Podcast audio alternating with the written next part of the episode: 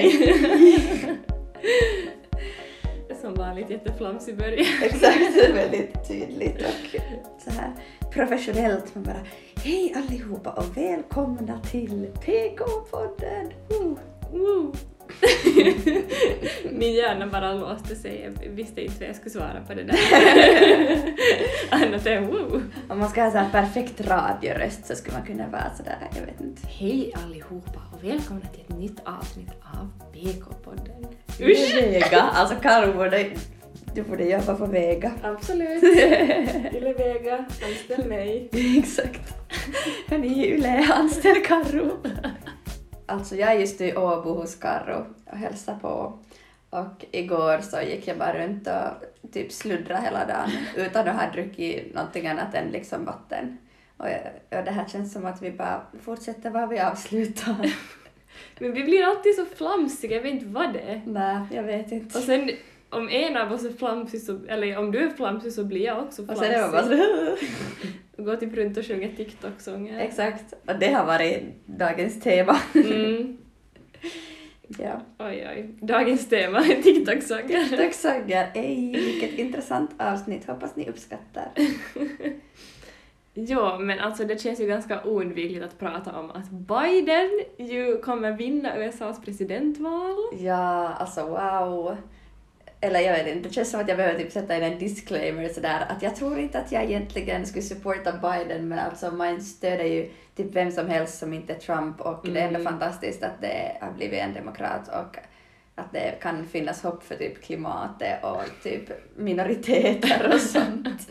Alltså, det är ju helt hemskt om man tänker på det. För att han, jag, jag håller helt med dig, alltså om Biden skulle ställa upp i Finland skulle han knappast ställa upp i något speciellt liberalt parti. Mm. Och han är ju också gammal som gatan. Alltså han är så gammal. Men alltså, det är mycket bättre än Trump. Japp. Och han verkar ändå som en helt kiva typ. Ja, och hans fru verkar typ jättebra. Hon jobbar typ Oj. inom utbildning och verkar ha gjort typ jättemycket bra saker. Jag bara åh. Ja. Hon var typ engelska, jobbar typ som professor i engelska tror jag någonstans. Jaha.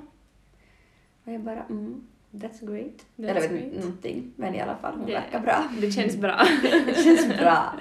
Absolut. Så ja. Och sen var det ju också jättefantastiskt att det blev en kvinnlig vicepresident. Mm. Jag är faktiskt inte så insatt i Kamala Harris, jag har bara hört att hon kanske inte heller är den mest progressiva. Mm. Men det är ju jättecoolt att det är liksom en svart kvinna. Alltså verkligen. Det, och också, det här är faktiskt min what the fuck, att hur kan det här vara den första kvinnan som är ens vicepresident? Det är helt sjukt. Alltså, eh, eh, vicepresident, det är liksom inte högt krav att ha Ja, en det är inte ens president liksom. Nej.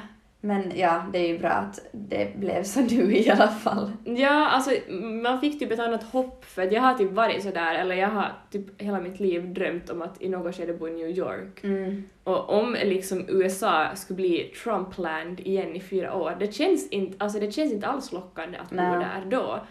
Så det känns som att min dröm om att någon gång bo i USA kanske lite också är restored. Ja, och sen på något sätt, alltså jag vet inte, lite så här hopp om livet. ja, hopp om liksom mänskligheten. ja, och det känns skönt nog med tanke på så här klimat och typ liksom, ja just minoriteter och mänskliga rättigheter och jag ty- tycker själv att det skulle vara jätteviktigt med starkare såna gun laws, alltså att Ja.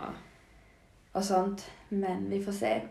Och sen ja, alltså presidenten kan ju inte själv göra någonting men i USA har väl ändå presidenten större makt än i Finland. Ja, och så säger det väl också kanske lite om allmänna opinionen såklart, Ja. vem som blir president. Exakt. Att det blir som en helhet, allting påverkar liksom varandra. Mm. Att fast presidenten, nu ja, USA har hen, alltid varit en han, men hen mera makten i Finland, men det är ju inte liksom, det måste ju gå igenom en massa Ja, exakt. Och saker. Så. Men det är också jättefint, det har typ varit så här transpersoner som har blivit invalda till Ja. olika, jag vet, alltså jag kan för lite om USAs politik nu, nu skäms jag lite här. Men eh, ja, alltså ändå just att transpersoner har blivit invalda och öppet liksom queera personer på andra sätt också Mm. liksom blivit invalda typ i senaten och någonting annat. Ja, alltså det känns nog som att USA också är på rätt väg och jag tror att Biden är en ganska bra transition från Trump. För att han är ändå... Jag tror alltså helt ärligt, det är jättetråkigt, men jag tror en av orsakerna att Biden blev vald är för att han ändå är en vit medelålders man. Medelålders, han är inte medelålders, han är gammal. Nå, en vit man i sina äldre år.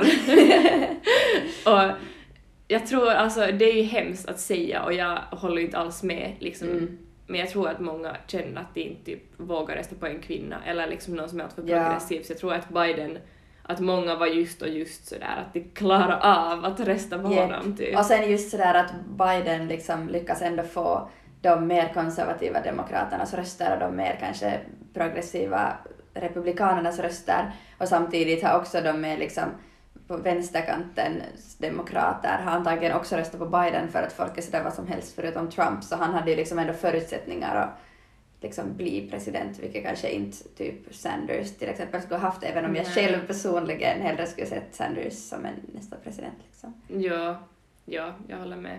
Vi får bara hoppas i nästa val att det ställer upp någon kvinna från Demokraterna Åh, som blir invald. Det, alltså, det, det känns som att kanske USA om fyra år klarar av det. Mm.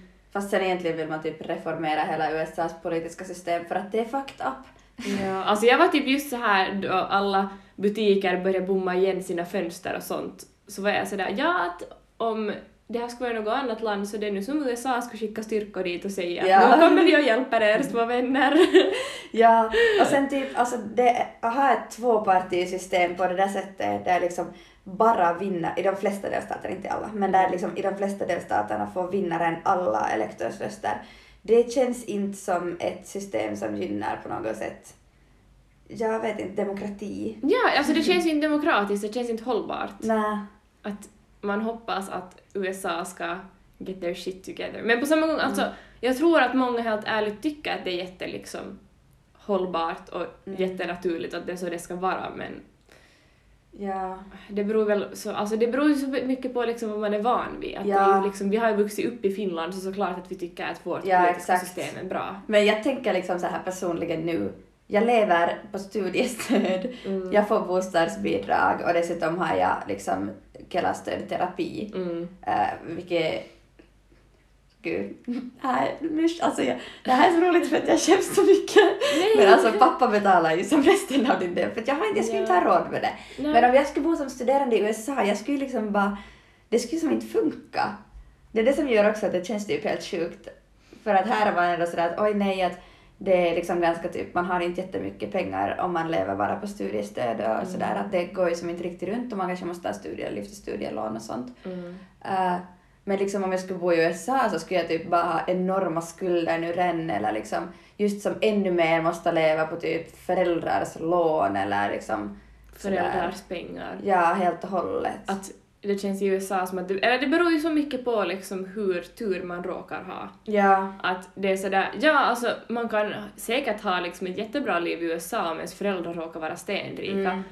För då måste man inte tänka på sånt här. mm. Men om man är något så här, något sån där medelklass så det är liksom det måste ju bli så, sån otrolig stress med pengar då det är liksom allt kostar Ja, typ så himla sjukvård mycket. också. Så här folk som bara, du får inte ringa ambulans åt mig för att jag, vi har liksom inte råd att betala det och man bara Mm. herregud. Det är så Men ja. sjukt. Men det är en bra sak som uh, Kamala Harris stöder. Uh, såna, alltså typ kommunala college. Ah, ja. Så att det åtminstone tycker jag är jättebra och Mm. viktigt.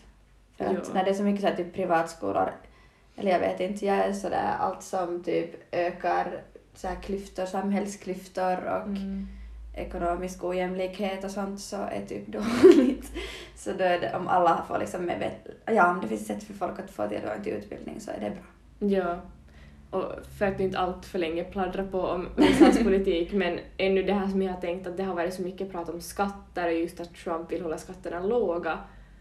Det förstår inte hur det kan Mm. vara så jävla svårt att betala skatt om man har pengar. Mm. Liksom, såklart att det kanske svider, men man måste ju på något sätt också förstå att det liksom att det är en naturlig på något sätt reaktion men som inte på något sätt berättigad. Man är inte Ja. berättigad till hur mycket pengar som helst. Om man har mycket pengar har man nog också råd att betala skatt. Alltså det tycker jag också. Plus att skatter, Alltså folk är sådär åh USA är ett fritt land men det är ju inte fritt när du hela tiden måste oroa dig för att om saker kostar. Det är ju som bara fritt för de som är rika och Ja. privilegierade och vita och sådär. Medan Finland, ja man betalar mycket skatt men man får ju så himla mycket för det. Så Ja. det skapar ju ändå alltså att man betalar skatt när, under de perioder när man tjänar så mycket att man liksom kan betala eller behöver betala skatt. Mm. Så det skapar ju ändå möjligheten att just studera.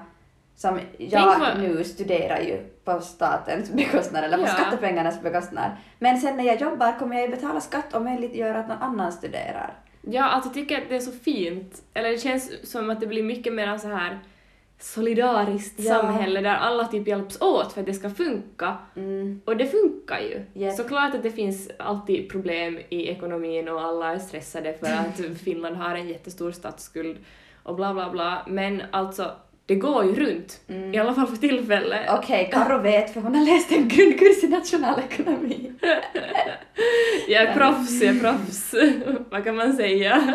Fast du vet nog helt säkert betydligt mer än jag. Men, jag, men jag är nog sådär att om jag behöver betala skatt så betalar jag det med glädje. För Ja. att det känns som att det är viktigt och skatt är liksom ändå grund, grunden typ till vårt välfärdssystem. Ja, jag har som så svårt att förstå människor som blir arga på att betala mycket skatt om de har över flera miljoner Man euro. bara, vad ska du ens göra med de där pengarna? Ja! Att, och sen just det här med att skänka dem till den välgörenheten jag vill. Man bara, men Men sen gör du aldrig det ändå.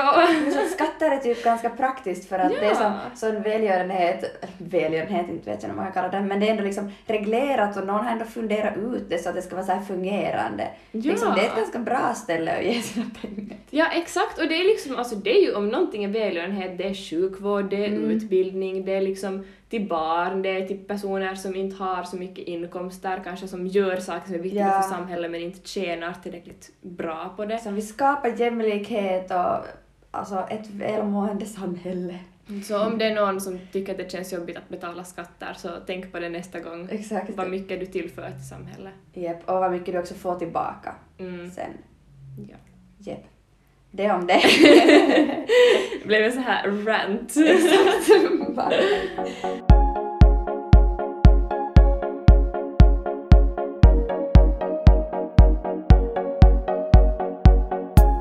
Ja, alltså jag nämnde här några gånger hur jag skäms för saker och eh, därför alltså, blev det också så att jag sa det typ sådär större för att vi hade faktiskt tänkt prata om skam och alltså inte tv-serier utan skamkänslor och olika ja, saker Ja. som vi associerar till det idag. Ja, det är ett jätteintressant ämne på något Mm. sätt för att jag känner i alla fall så ofta så mycket skam över olika saker och det är som intressant också att på något sätt börja analysera och fundera vad som är bra skam Mm. och vad som är dålig skam och varifrån den kommer och liksom Ja, absolut. Alltså jag tycker det är jätteintressant med skam. mm, Och just sådär hur- hur det, ja, på något sätt på så många olika plan.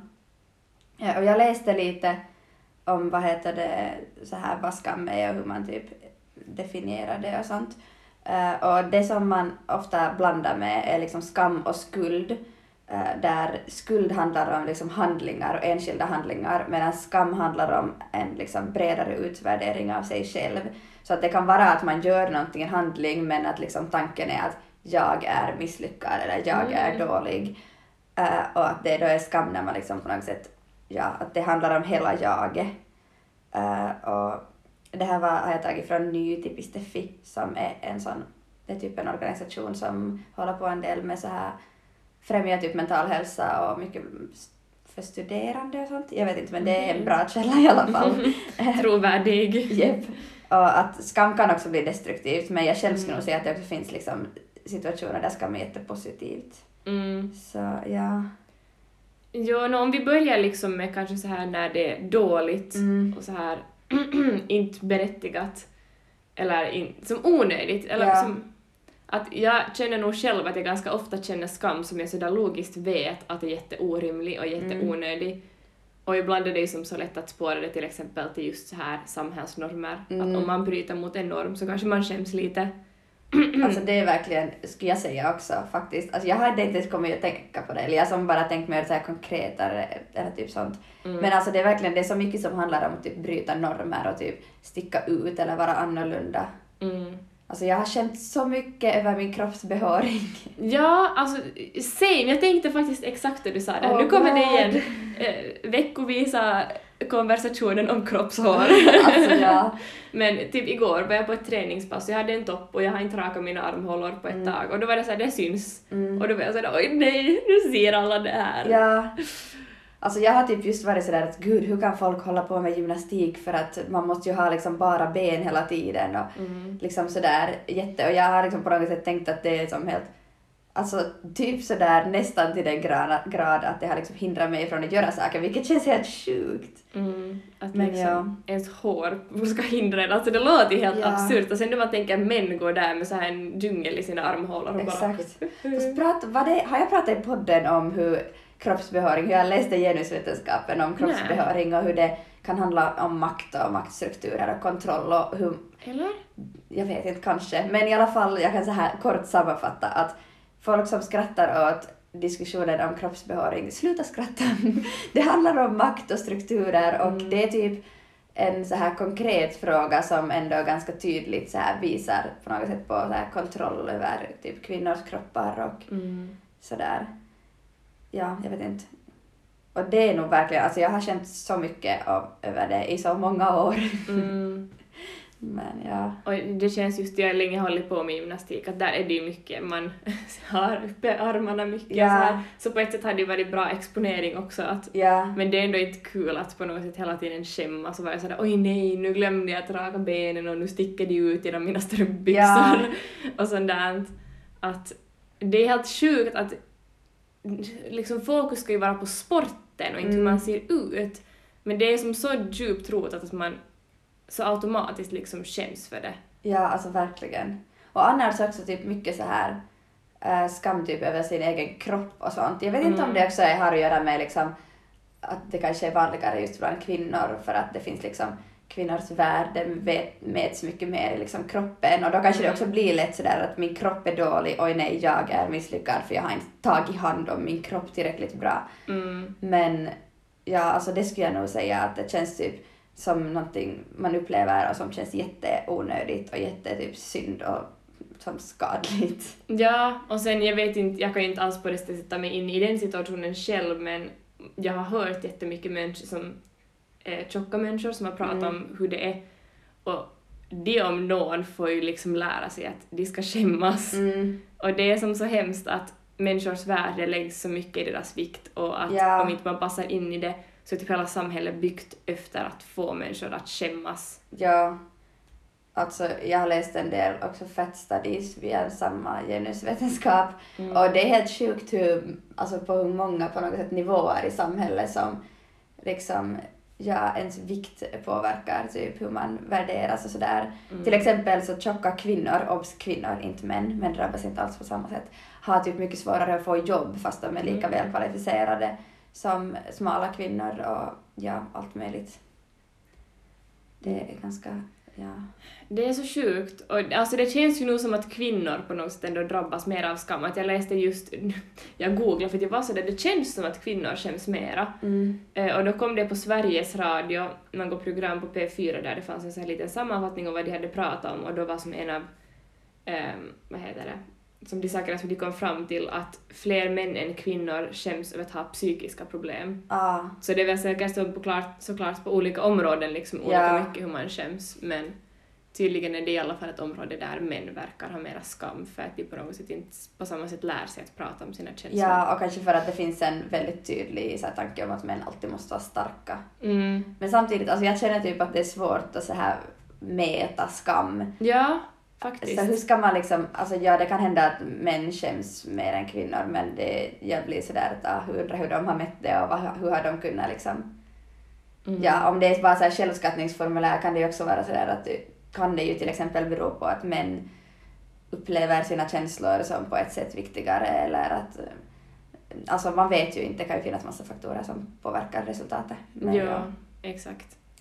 Men jag tänker sådär i allmänhet att kvinnor, det, det är nog ett jättestarkt verktyg att använda skam för att trycka in Mm. kvinnor i normen och liksom hur man borde vara. ja. Att en annan sak som jag själv kan uppleva ganska ofta är att om jag i efterhand, efter någon situation, känner att jag har varit jättehögljudd eller tagit mycket plats så Mm. skäms jag jättemycket. Alltså verkligen. Alltså, och jag är dessutom ganska så här. Jag tror jag tar ganska mycket plats. Ja, Eller jag tror också. väldigt mycket att jag tar väldigt mycket plats. Och att jag är liksom på ett sätt ganska mycket och kan vara typ lite så krävande och Mm. jobbig och måste alltid säga allt och bla bla bla. Eh, och jag vet inte om det är för att man har just lärt sig att man inte borde vara sån. Men Mm. då blir det jättelätt att man är sådär att oj nej, gud är jag helt för mycket och varför måste jag alltid vara så här? Ja, och jag tror det som kanske dels just för att man är kvinna, men så tror jag också att det finns i Finland kanske lite Mm. en sån där i vår kultur. Jantelagen. Ja, att tro inte att du är något och liksom våga inte ta plats, Ja, typ. ja. Att det, det blir som så konkret också. Eller jag känner också ofta att jag skäms så otroligt mycket för att det bara känns som att jag är för mycket och jag är Mm. liksom för högljudd och jag ska alltid ha någonting att säga. Ja, Vilket ju kan vara en jättebra sak men jobbigt för sen så skäms man alltid efteråt. ja. Och samma lite gällande det där, så just att så här man typ alltså skäms över att liksom vara jättequeer och typ Alltså jag är som, alltså jag har skämts jättemycket för det jättelänge Ja. och jag har inte liksom Ja, man talar om pride men det betyder inte att jag alltid är liksom sådär stolt över min sexualitet och jag liksom har nu insett att till exempel när jag rör mig i så offentliga rum Mm. så är jag nog som sådär att liksom ja, om jag då är tillsammans med någon och sådär Mm. så nu märker jag att jag är liksom sådär jätte, på något sätt jätte sådär, ah, undrar vad andra tänker, oj nej, tycker de där nu sådär att jo, homoja. liksom sådär att man har ju, det är kanske också lite såhär inlärd skam typ, ja. för att man är som, vet att man är just såhär typ normbrytande. Och sen till det hör ju som jättestarkt det där att oj nej, trycker jag nu upp det här i andras face? Mm. Vilket är på något sätt så tydligt bara så här, jag vet inte hur, alltså sådär att det känns som att det bara handlar igenom att liksom kontrollera och Trycka in folk tillbaka i Ja. en box. Jo, alltså det där hade jag också skrivit upp att vi har ju pratat jättemycket om Pride i podden så det kanske verkar som att det kommer helt lätt till Mm. oss att på något sätt prata om det och vara öppna om det. Men jag skäms nog jättemycket också. Mm. Och just det här liksom känslan av att man trycker upp det i någons ansikte. Mm. Att man kan som inte prata om det på ett humoristiskt sätt utan att det sticker i personers ögon. Ja, Och det är bara som så tråkigt att man inte kan, att den delen av ens liv bara inte kan få vara i fred. mm, Och det är därför också som det är så viktigt att prata om det, varför jag som aktivt försöker prata om det, för att ju mer man pratar om det, ju lättare tänker jag att det blir. Ja. Och det är därför som typ Pride-parader och sånt är så viktigt, att en Pride-parad är inte bara en fest, utan det är så mycket mera än det. ja.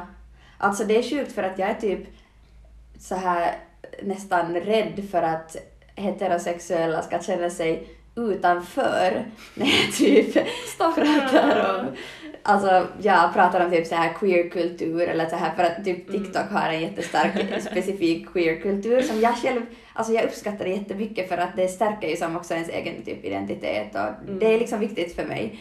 Äh, Men då känns det som sådär att, att gud att oj nej att stänger vi ut alla heterosexuella och nu blir de sårade för att de tror att de inte får ha vik, uppvikta jeans liksom. och, man, och sen så inser man inte att Nå ja, men vi har liksom inte fått gifta oss fram till typ 2017 där det är liksom det är inte så att queer-personer förtrycker straighta genom att skämta om uppvikta jeans egentligen, men sen så upplever man typ det så. Sådär att Mm. oh god, är jag nu liksom, ja kanske just det där att är jag nu för mycket Mm. eller sådär. Ja, det är igen det där att man är för mycket och att man tror att man liksom... Att hur kan man tro att man får prata om sin sexualitet så Ja. öppet? Att bara håll käften. Typ. Eller hur kan man typ tro att man har rätt att säga, påstå saker om saker typ. Ja, Eller sådär.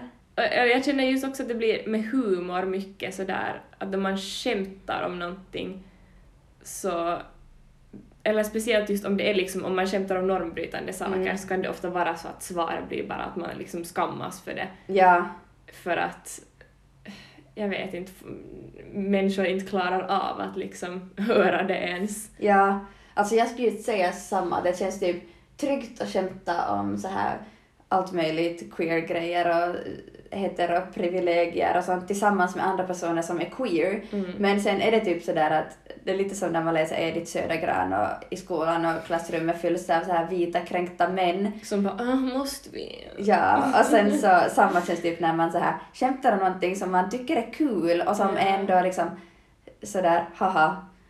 Och sen så är det straighta personer som är liksom sådär men gud måste typ eller sådär men herregud. Ja, och sen Chilla. inte alla straighta personer. Nej, eller- och de flesta är säkert inte så, men bara att man som har den baktanken att Ja. andra tänker att man som typ är för mycket eller tar för mycket på plats på fel sätt typ. Ja, och jag har nog liksom haft en person i min närhet också som jag känner att på något sätt på väldigt små, enkla sätt på något sätt skammar för att jag pratar om sånt här. Ja.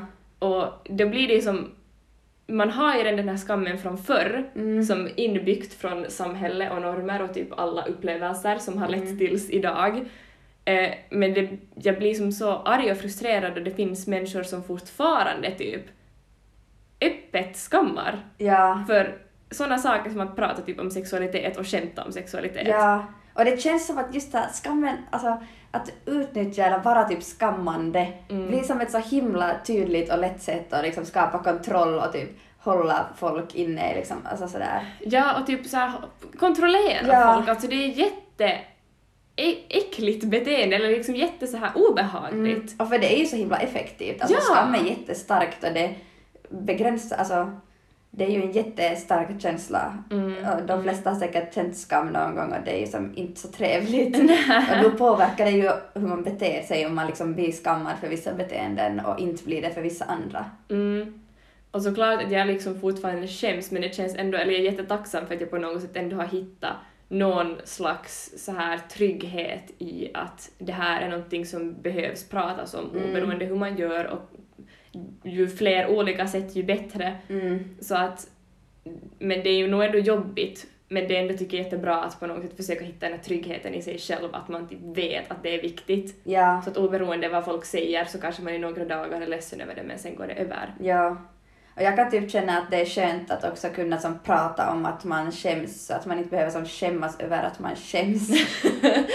Då blir det För att komplicerat. det känner jag typ, alltså annars, det är så mycket prat om såhär, åh pride och Mm. åh man ska bryta stigma kring mental ohälsa och sen det är helt sådär som att man inte skulle få skämmas över att man liksom mår dåligt eller som att det skulle vara, att man skulle, det skulle bli som dubbelskam om man Mm. skäms över liksom sin sexualitet eller om man skäms över så att man går i terapi eller någonting. Uh, så då är det typ så det är skönt att jag kan säga sådär att ah, men jag, emellanåt så skäms jag och jag tycker inte att det alltid är lätt och okomplicerat och ja, så är det. Och det tar ju Mm. nog som bort en nivå av skammen liksom. Ja, exakt. Det, alltså, jag tycker man, det är någonting man måste prata mer om och det känns som att det är någonting som man kanske ändå inte pratar så mycket om just för att skam är en så stark känsla att Mm. det kan vara jobbigt för människor att prata om för Ja. det, liksom blir, det kan bli jättesom personligt också. Och det kan också, alltså skam är som verkligen, det kan begränsa folks vardag och liv så det är nog ändå kanske, Mm. ja det är nog tror jag bra att liksom på något sätt, jag vet inte, försöka lyfta det för att nu tror jag man skäms mindre om man kan, jag vet inte, antingen kanske relatera till någon annan som skäms eller någonting. Gud, jag vet inte. Ja, Men, eller ja, det är viktigt, som du sa, det tar ju som bort en nivå av skammen, Mm. att kunna acceptera att alla skäms, för att det finns eller alltså om man inte skäms så då är det något som är fel. Liksom, Ja. Man ska skämmas, det är som en naturlig mänsklig funktion. ja. Men det är just som du sa, då det börjar ta över som det är farligt. Ja. Och jag, alltså jag, så här för att återkomma igen till typ så här mental ohälsa, Mm. så det skäms jag liksom en del över. Och just det där att, Mm. att oh my god, nu är jag igen så här dålig och trött och jobbig. Mm. och att liksom sådär att det skulle finnas, att sådär att åh det är jättefint och vara sådär åh self-care, ångest, ah, den där liksom fina delen av det. Jag dricker lite te. Exakt, men sen skäms man över typ de fula delarna Ja. så här förbjudna delarna på något sätt av det. Eh, och då har jag som upplevt också att i terapi och efter terapi har jag varit sådär oh my god vad har jag sagt, oj nej nu vad tänker alla och sådär. Mm. Och sen när jag typ har sagt att, att gud jag skäms jättemycket, jag tycker det här är jättejobbigt, så då blir det som ändå lättare. Mm. Ja, och det, alltså det känns nog som överlag att jag liksom skäms över typ min ångestdiagnos för att det är nog på något sätt så norma, normaliserat i samhället att det är ett tecken på typ svaghet Mm. att ha någon slags diagnos och liksom ha mentala problem, att det betyder typ att man inte bara kan ta hand om sig själv. Ja. Att det finns ju nog så otroligt mycket skam kopplat till det som jag själv också kan uppleva, att just så här, jag tycker det är jobbigt att prata om min ångestdiagnos. Det är lätt i en podd där jag sitter och pratar Mm. med dig, men liksom att prata med nya människor om det och prata om att jag går till en psykolog och sånt, Ja. så är i alla fall i början jättejobbigt tills man på något sätt har lärt känna någon. Ja, och jag upplever på något sätt just med det att sådär, det är jätte accepterat på något sätt med att vara sådär att åh, nej, jag går till psykolog för att jag blir lite stressad av skolan typ. Mm. Men sen är det sådär att, eller jag har själv typ jättestarkt upplevt och kanske det har på något sätt orsakat just mycket skam att det är som att det finns liksom så här förbjudna eller fula delar Ja. av ångesten. Just sådär att, att det är fint med den här self-caren och det är helt okej att du blir jättestressad av skoluppgifter och bara måste göra allt perfekt. Oh my Men- god, som prestationsprinsessa är Exakt. Men liksom den gången när du, det är liksom inte fint längre när du liksom, jag vet inte, när du inte orkar stiga upp på morgonen eller När liksom du inte typ ligger på golvet och gråter och Ja. skakar så mycket att du inte kan äta. Ja, eller liksom gå och sitta på en vässa på skolan, liksom på vässagolvet i skolan bara för att du bara inte fixar det liksom. Mm. Alltså så man känns ju som jättemycket över på något sätt vissa delar för att Ja, det exakt. känns som att så här glamouri, ja det ska vara så här glamoröst och typ så här influencers med ångest har typ bara så här perfekt ångest man bara Och det rinner en så här fin liten tår ner för Ja, kinden exakt. och bara åh jag är stressad över det här. och själv är man typ bara kaos kändes det ja. som. Och typ så många så här skamfulla känslor som man har som Mm. känns jätte som pinsamma. Eller det är som, det gör ångesten så mycket värre också då man skäms så mycket över att man känner så inom citattecken liksom dumma saker. Ja, eller typ tänker dumma saker. Ja. Alltså jag skäms så mycket över mina tankar som för Mm, mig själv. mm. Jag ser om någon skulle se mina tankar. Ja, och typ Usch. mina drömmar. Och då alltså jag skäms över vad jag drömmer för jag bara, hur kan min hjärna komma på så hemska saker och varför är min hjärna så elak typ mot folk? Ja. Och sådär och sen typ, Typ målar upp människor som jätteelaka. Ja, Eller jag drömmer alltid att människor är elaka mot mig och jag säger var, varför det? Det är ju Ja. snälla. och sen har jag typ drömt att folk har dött och jag har inte så mördat dem i drömmen men jag är sådär, min hjärna är evil, den dödar folk i drömmen. för att jag är sådär, den kommer på det. Och sen, Mm. ja. Jag tycker det skulle vara typ viktigt att på något sätt det är jättebra att det finns en debatt om ångest, att man pratar om ångest, men det skulle vara så viktigt att visa liksom alla sidor i så fall, att det blir jätteensidigt om man bara visar det fina, för det blir på något Mm. sätt som att man romantiserar ångest. Alltså jag tycker det känns jättelätt som att ångest typ romantiseras. mm. Och då blir det som på något sätt extra, alltså ja på ett sätt är det liksom så att jag, poängen är att bryta skammen men det känns som att det typ orsakar mer skam för man är sådär För sen har jag man lyckas inte vara- fel sätt. Exakt, och jag, tror, jag är inte mentalt instabil på rätt sätt. Ja! Jag är inte ja. tillräckligt bra på att vara mentalt instabil. Till och med liksom att vara mentalt instabil blir en present- presentation, prestation. Ja, så det är typ sjukt. Ja. Ja, åh shit. Nå kanske någon, jag vet inte om det går att föra fram det, men alltså min ångest är inte alltid fin och oftast så bara fuckar den upp saker och man låter helt sjuk och liksom, Ångest är, ångest är inte normalt, eller ja det är normalt, men Men det- ångest är liksom inte en fin sak. nej. Typ. Det är Eller- liksom inte roligt och trevligt och fint och Och det, det hj- hjälper inte ens liv speciellt mycket. Det är inte typ så att man får saker gjort för att man ja, har eller sådär oh ångest. my god, jag måste gå och springa för jag hade så mycket ångest för jag måste lämna in alla mina uppgifter i tid. Det är typ inte så för mig i alla fall. Jag är typ sådär, alltså det kan säkert vara så också och Ja. jag vill liksom inte så här se ner på folk med den typen av ångest. Exakt. Men jag känner typ att det på riktigt, det bara förstör och det ger ingenting. Ja, exakt. Alltså jag, jag vill inte, absolut inte förminska någons känslor och jag vet ju att ångest kan driva många människor till just att göra liksom skolarbeten jättedetaljerat och Ja. jätte liksom bra och så här och jag vet att det är liksom också jättejobbigt. Jag har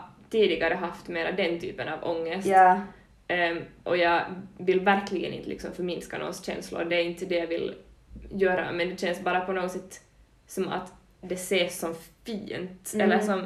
Och det, det ska inte heller romantiseras för det är ju också ohälsosamt, ja, eh, fast det liksom ser fint ut. Så jag bara sådär, alltså bara romantisera inte nej.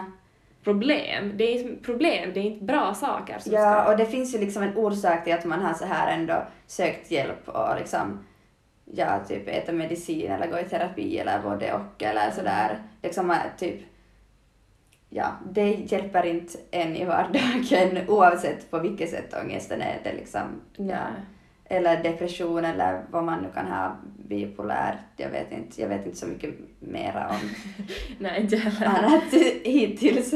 Kanske sen om något år när jag har läst, hunnit läsa lite mer psykos. Men ja. Jo, det, alltså jag vet inte, det är också typ med mediciner, som me mentala mediciner, eller så vad heter det, alltså psykofarmaka. Maka. Maka. Psykofarmaka är ju någonting som, eller typ jag skäms jättemycket över att jag på något sätt inte kan ha tillräckligt mycket kontroll över mig själv så att jag typ behöver mediciner. Mm. Att det är ju också en sak som känns som just så här att man är typ svag Mm. och som jag i alla fall skäms över. Att inte det Ja. som att jag är jättetaggad på att berätta åt alla det jag sitter och tar mina ångestmediciner och sömnmediciner och Ja, Sant. exakt. Och sen typ, alltså, jag skulle säga att det var liksom på något sätt i början speciellt. Nu har man liksom hunnit vänja sig och just när jag som ändå måste berätta till typ så här terapeut vad jag äter för mediciner och jag har gått till en ny läkare när jag har flyttat och sånt. Eh, men liksom i början så var det som sådär typ på morgnarna, jag hade massa som morgnar har inte alltid varit min bästa stund på dagen. Och speciellt under en period i våras och somras så hade jag jättemycket ångest på morgnarna, hade jättesvårt överhuvudtaget med morgnar. Och då var det som dessutom så skulle man liksom ta medicinen och det var sådär varje gång sådär att herregud, alltså jag är en sån misslyckad människa som bara måste liksom äta piller för att jag bara inte orkar liksom med saker Mm. och inte liksom klarar av att hantera min vardag och då känns det ju nog som jätte skit. Ja, och då blir det också så där, varför kan ni inte bara eh, meditera lite på morgnarna som alla andra tycks klara av Typ att yoga. göra? Ja. Att det är därför vi kanske pratar ibland lite så här hatiskt om yoga och mindfulness.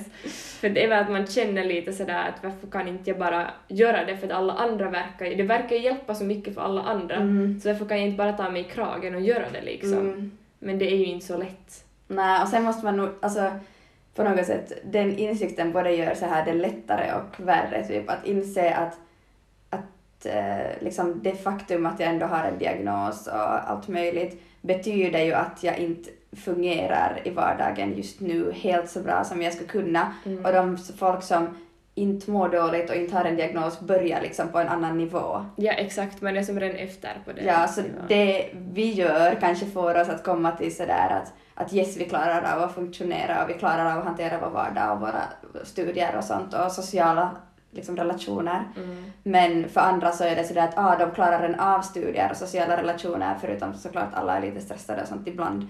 Men, men att yogan kan göra dem liksom så här typ lyckligare och liksom sådär att man börjar liksom på olika nivåer och man har liksom olika mål. Mm. Och jag tror att det kan vara att människor ofta i misstag liksom också skammar just på grund av det.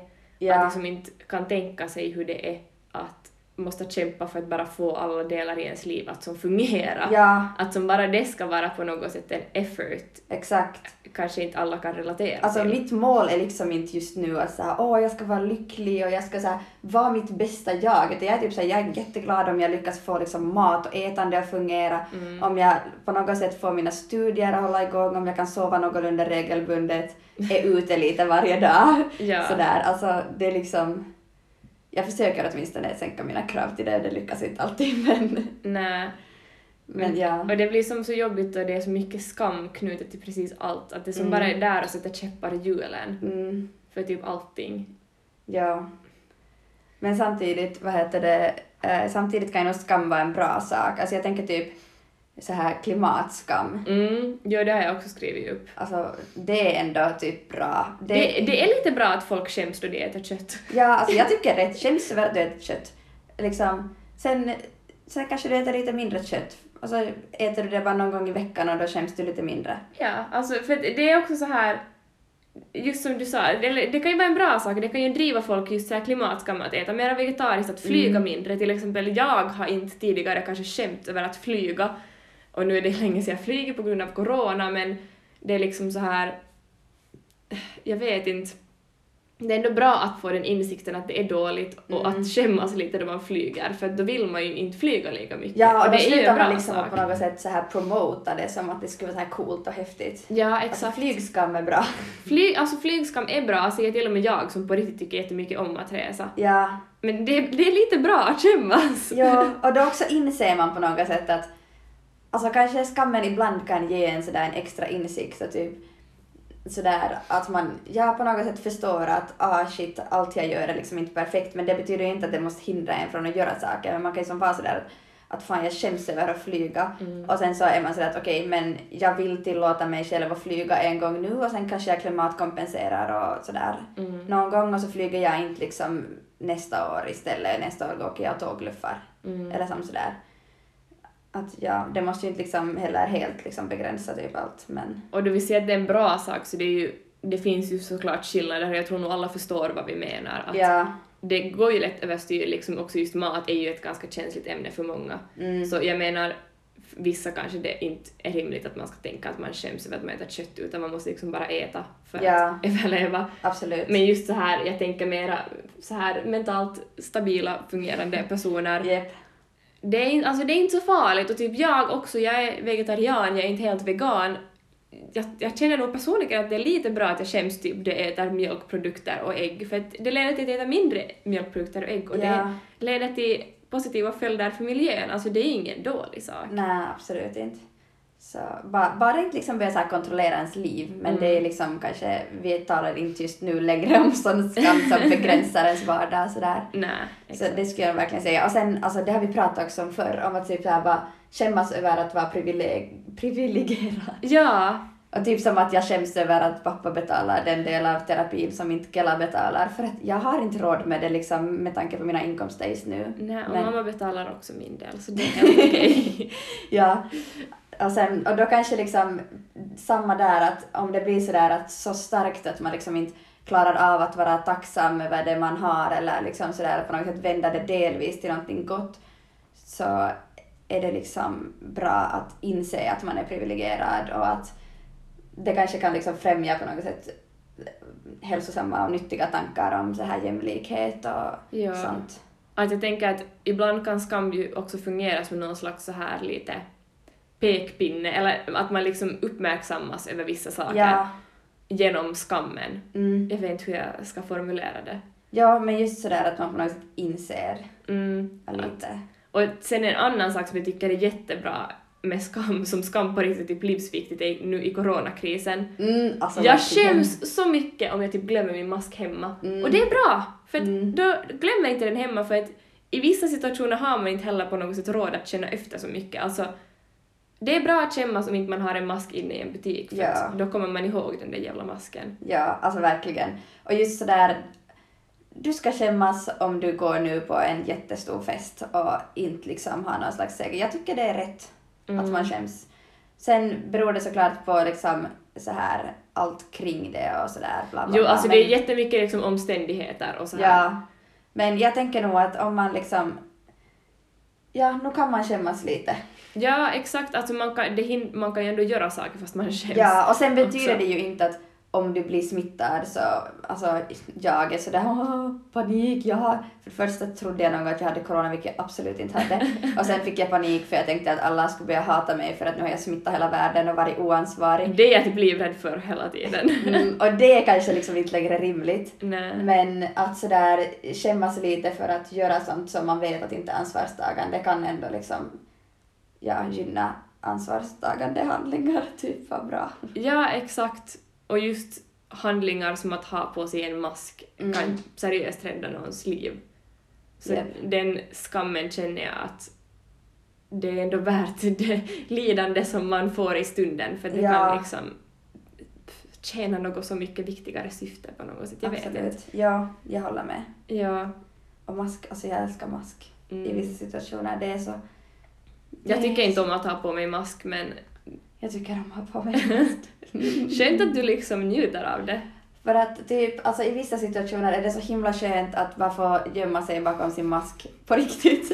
Jag tycker bara det är jobbigt för sen ser man aldrig vad folk gör för ansikte. Men jag är så stressad över hur min, hur min mun och så ler jag på rätt sätt och sånt i sociala sammanhang. Och då är det så skönt att bara få ha mask på och folk ser bara mina ögon och man bara yes, nu behöver jag inte tänka på hur jag ska le och mitt leende blir stelt eller sådär. Det är väldigt trevligt. Ja, alltså jag kan, jag kan tänka, jag kan förstå logiken. Ja, det är så att när jag kan sy egna masker så då kan jag typ göra dem sådär, ah, den här matchar min outfit.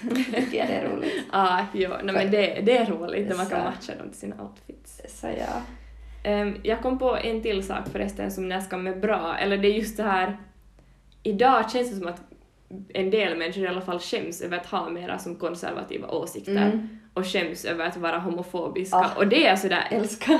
det är liksom, där är det fullt berättigat, alltså man ska skämmas Ja. om man är homofobisk och sexistisk. Eller typ Trump supporter. Please, Ja. kan alla bara Trump supporters skämmas? Alltså det är ju många Trump-supporters som typ inte vill berätta att de är Trump-supporters att vi skäms. Ja, det är, alltså det är helt berättigat. Skäms på!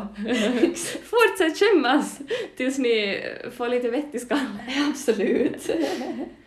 Att jag tycker, och typ skäms om du är rasist, alltså fy ja, skäms. alltså verkligen. Bara fritt fram. Och det är nog helt bra också att jag själv skäms om jag i misstag gör någonting som kan uppfattas rasistiskt. Mm, mm. För att jag menar såklart, jag så här skulle själv säga att jag är antirasist, men det betyder inte att jag någon gång gör handlingar. Det betyder inte att jag aldrig skulle handla på ett sätt som kan vara rasistiskt eller Typ alla uppfattas vita rasistiskt. människor. Det är nästan oundvikligt att man i, något skede råkar göra någonting Ja, rasistiskt. och då är det kanske helt bra att man skäms så fattar man. Ja, och då blir det som, man lär sig lite bättre. Det är så här tuffa sätt att lära sig. Exakt. Att det kanske inte känns så bra att skämmas, men det är också nödvändigt för att man ska... Nödvändigt. Nödvändigt! Ja, för att man ska ta det på allvar. ja, verkligen. Det tycker jag också. Ja. Men ja, har du några bra tips den här veckan? Ehm, jag har... Um, det är en hund som har en Instagram. Uh, dens Instagram heter miss, alltså ms.peachpit. Det är alltså en youtubers hund som har ett Instagramkonto och den här hunden är så otroligt söt! och jag tycker att alla ska gå och kolla på den så blir man lite glad. Och det, är, alltså det är Billie Eilish bror och hans flickvän, sambo, som har den här hunden tillsammans. Okej, kanske jag måste gå check it out. Yes. Jag vill tipsa om eh, två saker som har att göra med skam. Och den första är ContraPoints. Eh, det är en transkvinna som har en YouTube-kanal och hon har gjort en, gjort en video om just skam. Eh, och jag tyckte den var jättebra. Den är ganska lång, men titta på en del av den för att hon är, alltså hon är jättebra, de är roligt gjorda och Mm. Det var jätteintressant. Det, det typ lyfte mycket så här. För det första kunde jag typ relatera till mycket i den och sen så kändes, kändes det som att det lyfte typ mycket viktiga saker och gav typ nya tankar. Och för det andra, så om ni bara vill så här få dela er skam med andra så har Antti Holma en sparad eh, sån höjdpunkt i sina stories som heter Happy Rally. Och där har typ hans följare skickat in så här olika saker de skäms över och det är bara roligt att få typ jag vet inte, så här stöd av andra, inse att andra också skäms och typ bara skratta åt skamliga situationer som andra hamnar i och inse att ja men alla gör sånt här som vi skäms över. Det där måste jag Så. kolla på. Alltså det, jag tycker det är så många människor som pratar om Antti Holm. Jag har aldrig liksom hört om honom förr och nu pratar Ah. alla om honom hela tiden. Mm, det kanske det är, jag har nog som typ hört om honom förr och just det här Happy Rally har jag sett någon gång tidigare. De har jag kollat på förr men nu eh, tack till så här finskspråkiga vänner så är jag mer insatt i finsk kultur. Så alltså Antti Holma är nog bra. Nice. Det är kul. Man kan kolla på hans andra storyn också. Yes. Så ja, men kanske vi inte hade något mer att säga den här veckan. Nej, det var det. Tack för oss och hoppas ni, jag vet inte, tyckte det var roligt eller fick några nya tankar. Ja, kanske det väckte någon tankeställare. Ja, Hoppas att vi inte har triggat någon heller. ja. Alltid lite stressigt. Mm, men kanske, jag vet inte. Vi får hoppas att vi inte gjort det. Om vi har gjort det så ber vi om ursäkt. Tack och förlåt. Tack och förlåt. Hej då.